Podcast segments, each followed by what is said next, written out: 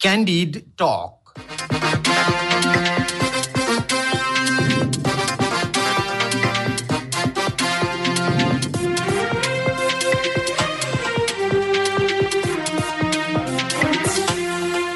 नमस्कार क्यान्डिड टकमा तपाईँलाई स्वागत छ। म धीरज बस्नेत। रेडियो क्यान्डिडको प्रस्तुति कार्यक्रम क्यान्डिड टक तपाईँले शनिबार बाहेक हरेक दिन बिहान साढे छ बजेबाट सात बजेसम्म आधा घन्टा सुन्दै आइरहनु भएको छ। समसामयिक विषयमा कुराकानी हुने यो कार्यक्रम तपाईँले काठमाडौँ उपत्यका र आसपासका जिल्लामा बयानब्बे दशमलव सात मेगा हर्जमा रेडियो क्यान्डिडको आधिकारिक फेसबुक पेजमा हाम्रो पात्रोमा रेडियो क्यान्डिडको एप्स डाउनलोड गरेर र पोडकास्टमा समेत सुन्न सक्नुहुन्छ। अबको दुई दिनपछि स्थानीय निर्वाचन हुँदैछ। निर्वाचनको करिब सबै तयारी पूरा भएको छ। गै रातिबाट मौन अवधि सुरु भएको छ। उम्मेद्वारहरूले आफ्नो पक्षमा प्रचार प्रसार सकिसकेका छन्। मतदाताहरू पनि मत हाल्न तम तयार भएर बसेका छन्।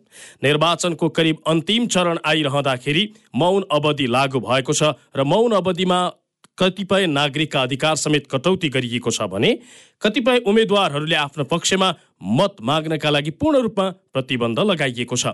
निर्वाचन सुरु हुन लाग्दै गर्दा र चुनावको तयारीका लागि सम्पूर्ण तयारी पूरा भइरहँदाखेरि निर्वाचन सँगसँगै नेपाली बजार पुनः महँगीले छोपेको छ। भान्सा झन महँगिएको छ। आर्थिक रूपमा निर्वाचनको साइनो कस्तो हुन्छ र निर्वाचनका कारणले गर्दा अर्थतन्त्रमा पर्ने चाप कस्तो हुन सक्छ? यी र यस्तै विषयमा सँगसँगै अन्तर्राष्ट्रिय परिवेश र नेपालको अर्थतन्त्रका विषयमा समग्र समीक्षा गर्नेछौँ आजको यस कार्यक्रममा। यसका लागि हामीसँग कार्यक्रममा हुनुहुन्छ कुराकानीका लागि अर्थविद डाक्टर चन्द्रमणि अधिकारी। अधिकारीज्यू यहाँलाई स्वागत छ क्यान्डी टकमा। हजुर धन्यवाद नमस्कार। सबैभन्दा पहिला चाहिँ मैले यहाँलाई निर्वाचन अबको दुई दिनपछि सुरु हुँदैछ। यो निर्वाचन सँगसँगै मुलुकमा महँगी जसरी बढ्दै गएको छ यसलाई कसरी विश्लेषण गर्ने सर? हेर्नुहोस् अब यो निर्वाचन सामान्य बेलामा पनि असाधारण परिस्थिति नभएको बेलामा पनि जुन जुन वर्ष निर्वाचन भएको छ त्यो वर्षमा विगतका हेर्दै जानुभयो भने निर्वाचनको वर्षमा मुद्रास्फीति बढेको छ।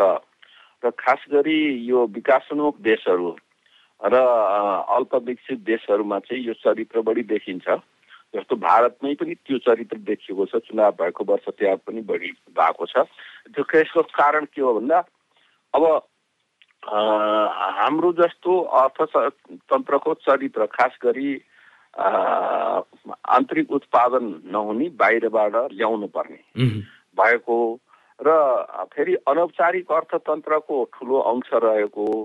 त्यस कारणले गर्दा यो यो निर्वाचन चाहिँ अचाक्ली निर्वाचन आफैमा महँगो हुँदै गएको र निर्वाचन आयोगले निर्धारित गरेको भन्दा सयौँ गुणा बढी खर्च गर्ने र गर्ने गरेको जसले गर्दा एकातिर माग चाहिँ बढाउने आन्तरिक उत्पादन नबढ्ने र जनताको मान्छेको हातमा पैसा जाने र सरकारी ढुकुटीबाट पनि खर्च हुने र उम्मेदवारहरूको तर्फबाट पनि निजी क्षेत्रबाट बजारमा पैसा जाने हुनाले त्यसले चाहिँ मूल्य बढाउँछ नै स्वाभाविक त अर्थशास्त्रीय सिद्धान्त बजारमा पैसा जाँदा त अझै सहज हुनुपर्ने होइन र भने? होइन बजारमा पैसा गएपछि त डिमान्ड बढी हुन्छ नि बजारमा पैसा जब आफ्नो पैसा हुन्छ अनि डिमान्ड छ हुन्छ सप्लाई चाहिँ उस्तै छ। डिमान्ड चाहिँ बढेपछि के हुन्छ? बढी स्वाभाविक त मूल्य बढ्छ एक। अर्को कुरा हाम्रो चाहिँ नि त्यो त्यसलाई निगरानी गर्ने नियमन गर्ने अनुगमन गर्ने निकायहरू पनि त्यति सक्षम छैनन्। ती निकायहरूको बिचमा समन्वय पनि छैन। र त्यसको त्यस उनीहरूको क्षमता पनि त्यो ढङ्गले विकास गरेको देखिँदैन।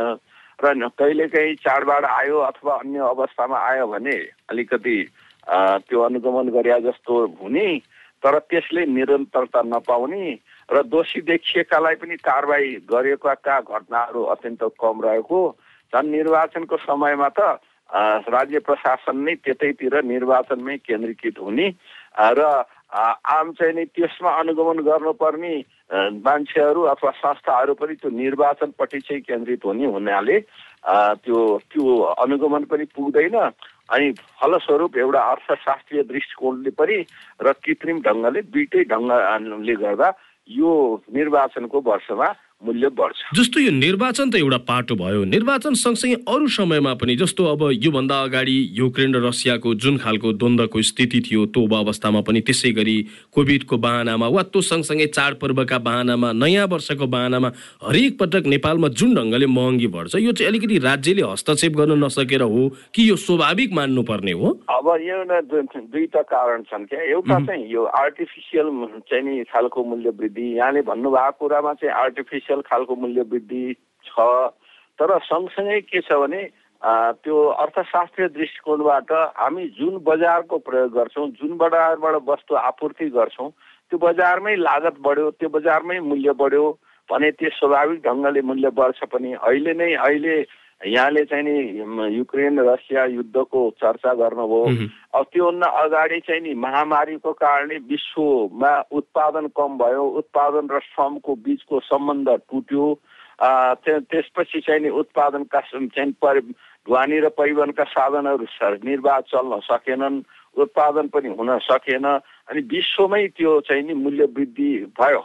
र मूल्य वृद्धि भयो अहिले त झन् यो युक्रेन रसिया युद्ध पछि चाहिँ अब युक्रेन र रसिया चाहिँ के रहेछ भने खाद्यान्नको लागि र सँग खाद्यान्न सिधै खाद्यान्नसँग जोडिएका जस्तो गहुँको उत्पादन भयो मकैको उत्पादन भयो अन्य उत्पादन गर्ने प्रमुख देश हुन् यिनीहरू र साथसाथै त्यो खेतीपातीको लागि चाहिने मल उत्पादन फर्टिलाइजर उत्पादन हुन्छ त्यसको लागि चाहिने पदार्थहरू पनि त्यहीँबाट आउँदो रहेछ। अब त्यो त्योसँग जोडिँदो रहेछ नेचुरल ग्यास अब त्यो पनि त्यहीँ त्यहीँबाट आउने।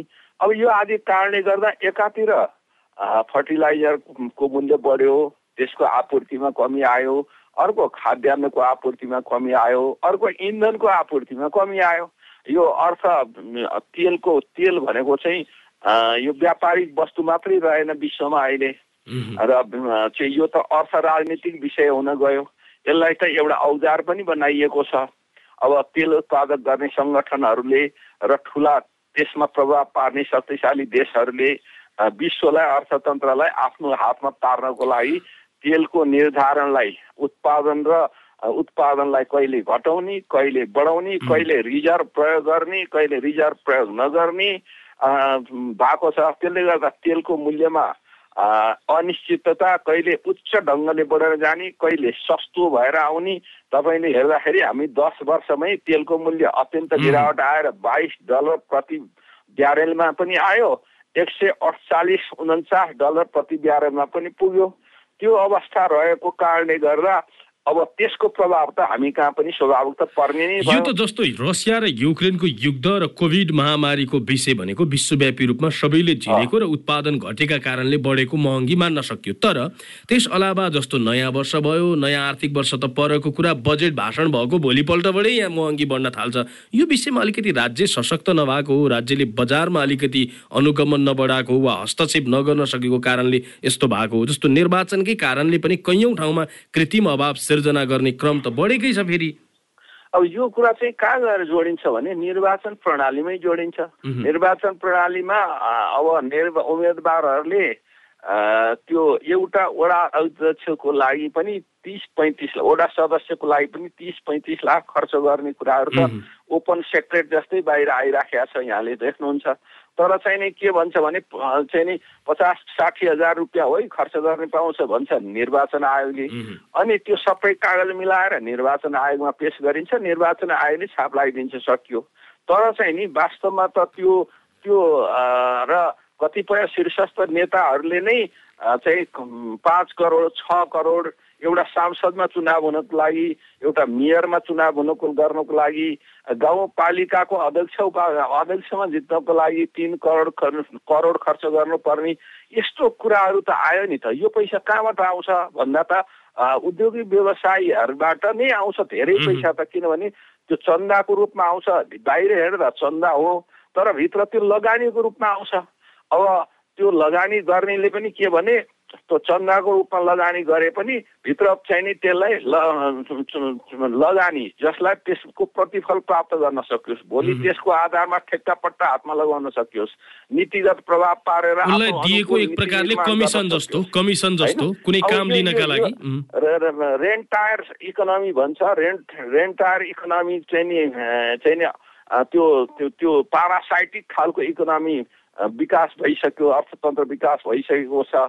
एक किसिमले भने मतियारको अर्थतन्त्र विकास भइसकेको छ। त्यसले गर्दा त्यो तपाईँले सरकारमा जो जान्छ उसले त्यो अनुगमनलाई कडाइ गर्नको लागि त भोलि त आफैले त्यहाँबाट पैसा लिएर खर्च गरेका छ। अनि भनेपछि त्यो उद्योगी व्यवसायीहरूलाई चाहिँ कहाँ त्यो गर्न सक्छ र एक अर्को कुरा त्यो अनुगमन अघि मैले भने अनुगमन गर्नलाई जसलाई निकायहरूलाई चाहिँ जिम्मा दिएको छ निकायहरूको बिचमा समन्वय पनि छैन। उनीहरूको क्षमता पनि छैन र क्षमता र भएसम्म पनि अनुगमन गर्दैनन् किनभने त्यो राजनीतिक प्रभाव त्यहाँ गएर काहीँ न प्रशासन र राजनीति जोडिन्छ र त्यहाँ ककटेल हुन्छ। ककटेल हुन्छ। अनि त्यसले गर्दाखेरि चाहिँ अनुगमन राम्रो हुँदैन। अब निजी क्षेत्र पनि हाम्रो जस्तो देशको निजी क्षेत्र प्योर व्यवसायिक छैन। त्यो चाहिँ राजनीतिसित मुछिएको छ। काहीँ न काहीँ त्यहाँ त्यहाँ पनि दलसितलाई समातेर आफ्नो उसमा स्वार्थ प्रयोग गर्ने कुराहरू बढेर गएको छ। अनि त्यसपछि निजी क्षेत्र भनेर विभिन्न खालका सङ्घ महासङ्घ त बनेका छन्। उहाँहरूले आफ्नो उसको लागि चाहिँ स्वार्थको लागि चाहिँ नि त्यो त्यो कुराहरू त लानुहुन्छ। तर समग्र अर्थतन्त्र बलियो भयो भने हामी पनि बलिया हुन्छौँ भोलिको दिनमा। समग्र अर्थतन्त्र बलियो हुनु भनेको लागि उत्पादनको लागि लगानीको लागि चाहिँ वातावरण बन्ने हो उत्पादनको लागि वातावरण बन्ने हो बजारको लागि वातावरण बन्ने हो। र त्यसले सबैले देशको सबैले फाइदा पाउन सक्छ भन्ने खालको मोटिभबाट चाहिँ हाम्रो निजी क्षेत्रको नेतृत्व पनि त्यति चाहिँ त्यति ढङ्गले उत्प्रेरित छैन त्यति ढङ्गले मोटिभेटेड छैन त्यति ढङ्गले चाहिँ नि लागेको छैन।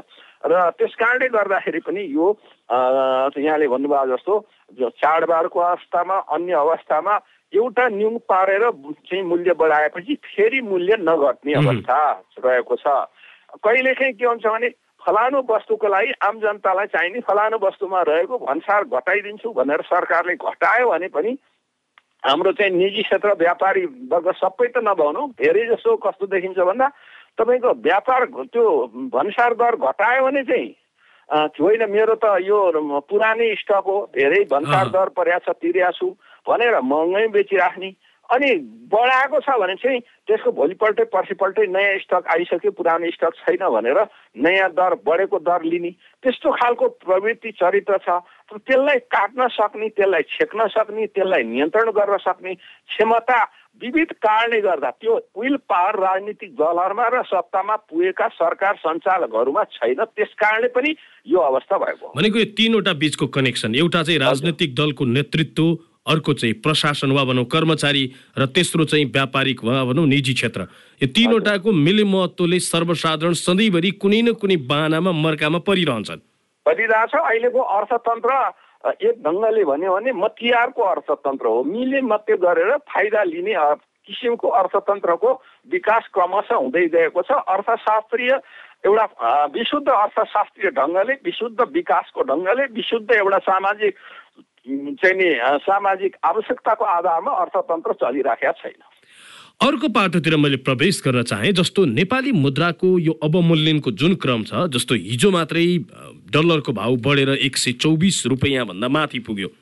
यसले के सङ्केत गर्छ यो नेपाली मुद्राको अवमूल्यन जुन तरिकाले भइरहेको छ यसले के सङ्केत गर्छ सर? अब हेर्नुहोस् अहिले हामीलाई दुई खालको दबाब छ। एउटा चाहिँ अन्तर्राष्ट्रिय स्तरबाट नै चाहिँ नि यो डलरको भाउ बढिराखेको छ। अब तपाईँको स्टर्लिङ पोन्डसित पनि पनि कमजोर भएको छ। अस्ति के त्यो संयुक्त अरब राज्यको बेलायतको भनौँ। ब्याङ्क अफ इङ्ल्यान्डले के भन्यो भने यो अहिलेको युक्रेन युद्धको कारणले र अमेरिकी डलर सितको उतार चढावको कारणले अहिले दुई हजार बाइसमा दस प्रतिशतले मूल्य वृद्धि हुन्छ।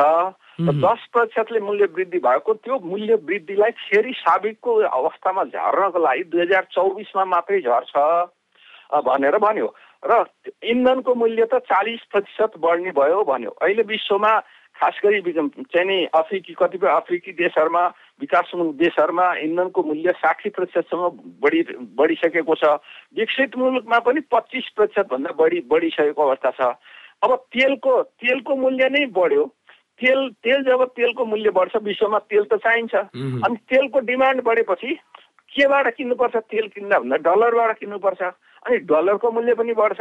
अनि हामीसित डलर पनि पर्याप्त छैन अनि तेल पनि छैन। त्यस कारण डलरको भाउ पनि अन्तर्राष्ट्रिय स्तरमा बढेर गएको छ। त्यो हाम्रो चाहिँ नि भारतीय मुद्रा स्थिर राखेका छौँ। भारतीय मुद्रा चाहिँ नि तपाईँको जब भारतीय मुद्रा कमजोर हुँदै जान्छ डलरसित अनि हाम्रो पनि फेरि त्यो कमजोर हुँदै जान्छ। यो अवस्थाले गर्दा एकातिर डलरमा भएको मूल्य वृद्धि डलरको माथि जानु र अर्को चाहिँ नि तेलको मूल्य बढ्नु। दोहोरो साप हाम्रो अर्थतन्त्रमा परेको छ। यसले त हाम्रो चाहिँ नि अर्थतन्त्रका सबै क्षेत्रलाई प्रहार गर्छ। र जब तपाईँको डलरको मूल्य बढ्छ हो हाम्रो अर्थतन्त्र उत्पादनमुखी भएको भए पर्याप्त रूपमा पर्यटन आय गर्न सक्ने अवस्था भएको भए पर्याप्त रूपमा निकासी गर्न सक्ने भए। हामीले के हुन्थ्यो? डलरको मूल्य बढ घट्दाखेरि मूल्य बढेर हाम्रो मुद्रा अवमूल्यन हुँदा हामीलाई फाइदा हुन्थ्यो। तर हामी सत्तरी प्रतिशतभन्दा फाइदाबाट भनेपछि अब पर्यटन पनि पर्यटन पनि हाम्रो सानो छ। पर्यटनको चाहिँ नि तपाईँको घेरा पनि त्यो आमदानी भन्दा खर्च बढी छ त्यहाँ। त्यहाँ त्यो दृष्टिकोणबाट हेर्दाखेरि यसले तपाईँको चाहिँ नि जनजीवनमा दैनिकीमा पनि असर पार्छ। दैनिक वस्तु तथा सेवाको मूल्य पनि बढ्छ। परियोजनाहरू सरकारको तर्फबाट निजी क्षेत्रले चलाएका परियोजनाहरूको चाहिँ नि लागत पनि बढेर जान्छ। उद्योगको र कच्चा पदार्थको लागत बढ्छ ज्याला दर पनि बढ्छ र सबै कुरा महँगो भएर हाम्रा चाहिँ नि स्रोत साधनले नपुग्ने अवस्था हुन्छ। र जब यो हुन्छ अनि हामीले विदेशी मुद्रामा लिएको ऋणहरूको चाहिँ समाब्याज तिर्दाखेरि पनि बढी पैसा खर्च गर्नुपर्ने हुन्छ। यी आदि कारणले गर्दा हामीलाई चाहिँ यसले समग्र अर्थतन्त्रलाई जनजीवनलाई प्रभावित गर्छ। भनेको खास गरी हाम्रो उत्पादन अत्यन्त न्यून हुनु वा भनौँ हामीले कुनै पनि कुरा निर्यात गर्न लायक बनाउन नसक्दाखेरि यसले झन् ठुलो क्षति हामीले बेहोर्नु पर्ने देखियो। छ अहिले त तपाईँको अब अलिकति यो मूल्य बढ्दाखेरि विप्रेषणबाट आउने पैसामा चाहिँ पाउने परिवारहरूले बढी बढी बढी पैसा पाउँछ। जस्तो हिजो चाहिँ नि एक सय उन्नाइस पाएको थियो भने अहिले एक सय चौबिस पायो। तर चाहिँ के हुन्छ भने उनीहरूलाई खासै फाइदा चाहिँ हुँदैन। हेर्दाखेरि पैसा धेरै देखिन्छ कारण के हो भन्दा हामीले त्यो त्यहाँको आएको पैसा परिवारको हातमा जान्छ अनि परिवारले फेरि चिजबिज किन्नुपर्छ। त्यो चिजबिजमा मूल्य बढिसकेका हुन्छ। त्यस कारण उनीहरूले जति बढेर पैसा पाउँछन् त्यो बराबर त फेरि तिर्नु पर्ने हुनाले त्यसको चाहिँ नि ठुलो फराकिलो आधार फाइदाको आधार त्यहाँ पनि रहँदैन। फाइदा हुने एउटा ठाउँ त्यो हो तर त्यहाँ पनि रहँदैन। त्यस कारणले गर्दा यो समग्रमा यो डलरको भाउ बढ्नु तेलको भाउ बढ्नु दुइटै हाम्रो लागि घातक छ। अब अर्को पाटो मैले प्रवेश गर्न चाहेँ। श्रीलङ्काको अवस्था जसरी अर्थतन्त्र टाँट पल्टेको थियो अब त्यो अर्थतन्त्रको जुन असर चाहिँ राजनीतिमा प्रवेश गरेको छ। प्रधानमन्त्री महेन्द्र राजपाक्सेले राजीनामा दिएपछि उहाँलाई घरमै बस्न नसक्ने स्थिति सिर्जना गरिएको छ। श्रीलङ्काको अर्थव्यवस्थालाई तपाईँले सरसर्ती हेर्दा त्यहाँलाई कसरी विश्लेषण गर्नुहुन्छ र त्यसको र नेपाल बिचको कुनै कनेक्सन वा त्यो खालको नेपालको अवस्था कहीँ कतै जोडिन्छ ठोकिन्छ? हेर्नुहोस् अब यसमा दुई तिन ढङ्गले हेर्नुपर्ने हुन्छ। एउटा त श्रीलङ्काको अर्थतन्त्रको चरित्र हाम्रो अर्थतन्त्रको चरित्रभन्दा निकै फरक हो। दक्षिण एसियामै सबभन्दा राम्रो अर्थतन्त्र भएको।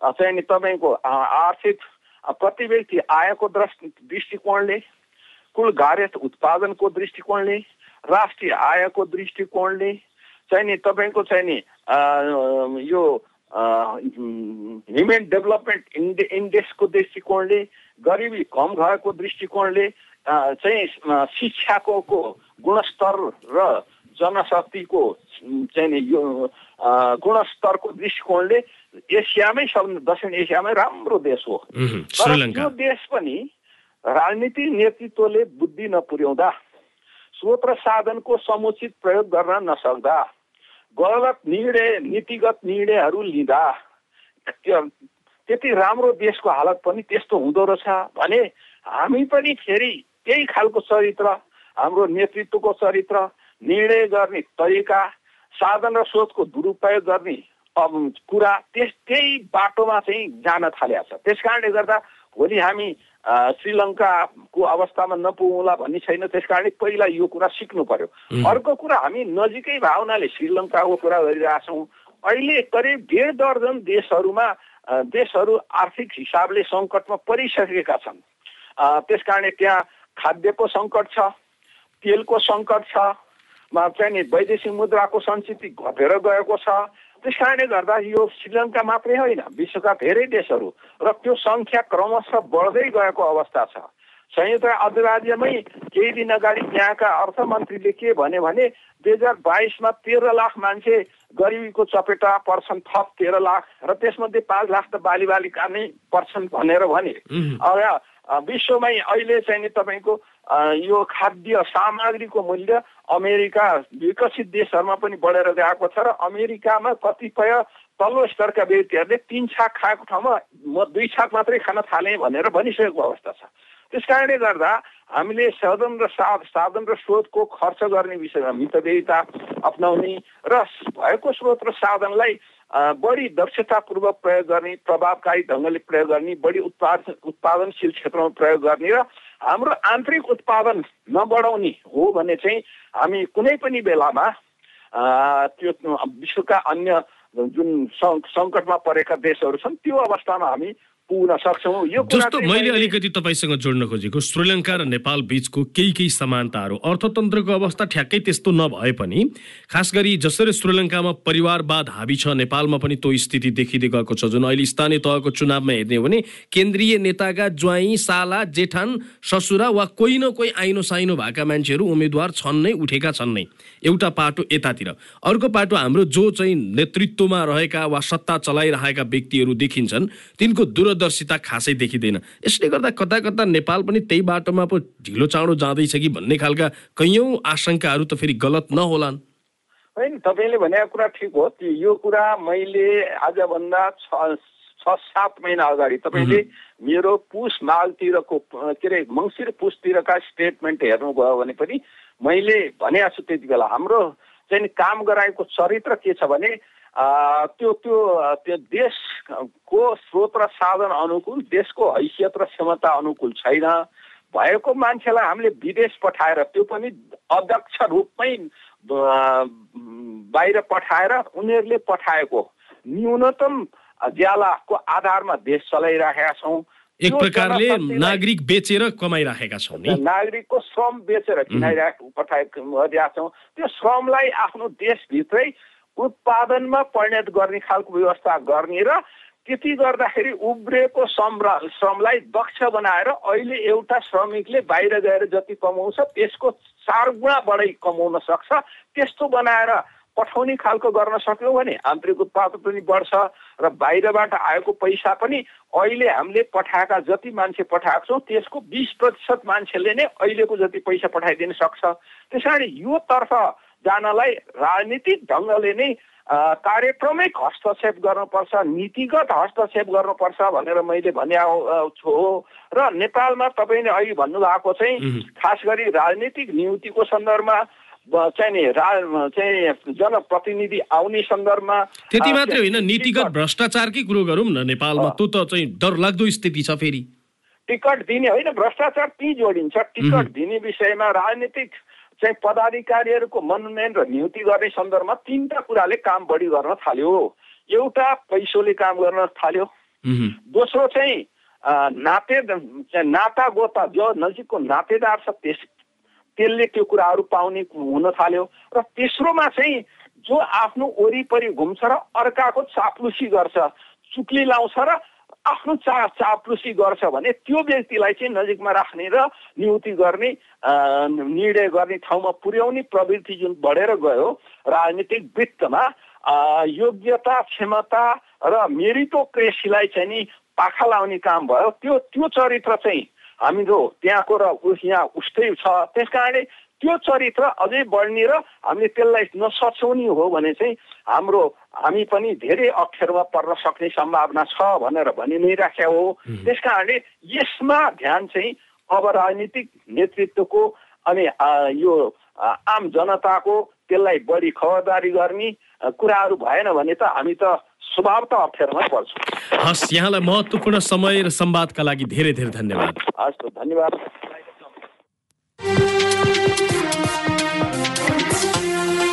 आजको कार्यक्रममा निर्वाचनले बढाएको महँगी नेपाली मुद्राको अवमूल्यन र श्रीलङ्काको अवस्था र नेपालको साइनोका विषयमा अर्थविद डाक्टर चन्द्रमणि अधिकारीसँग कुराकानी गर्यौं हवस् त क्यान्डी टकको यो अङ्क आजलाई यति नै। प्रविधि संयोजनका लागि सशिन्द्र गौतम र सृजना भुजेललाई धन्यवाद।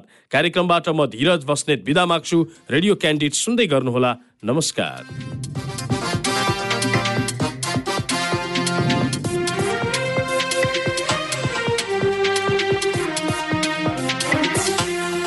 Candid Talk.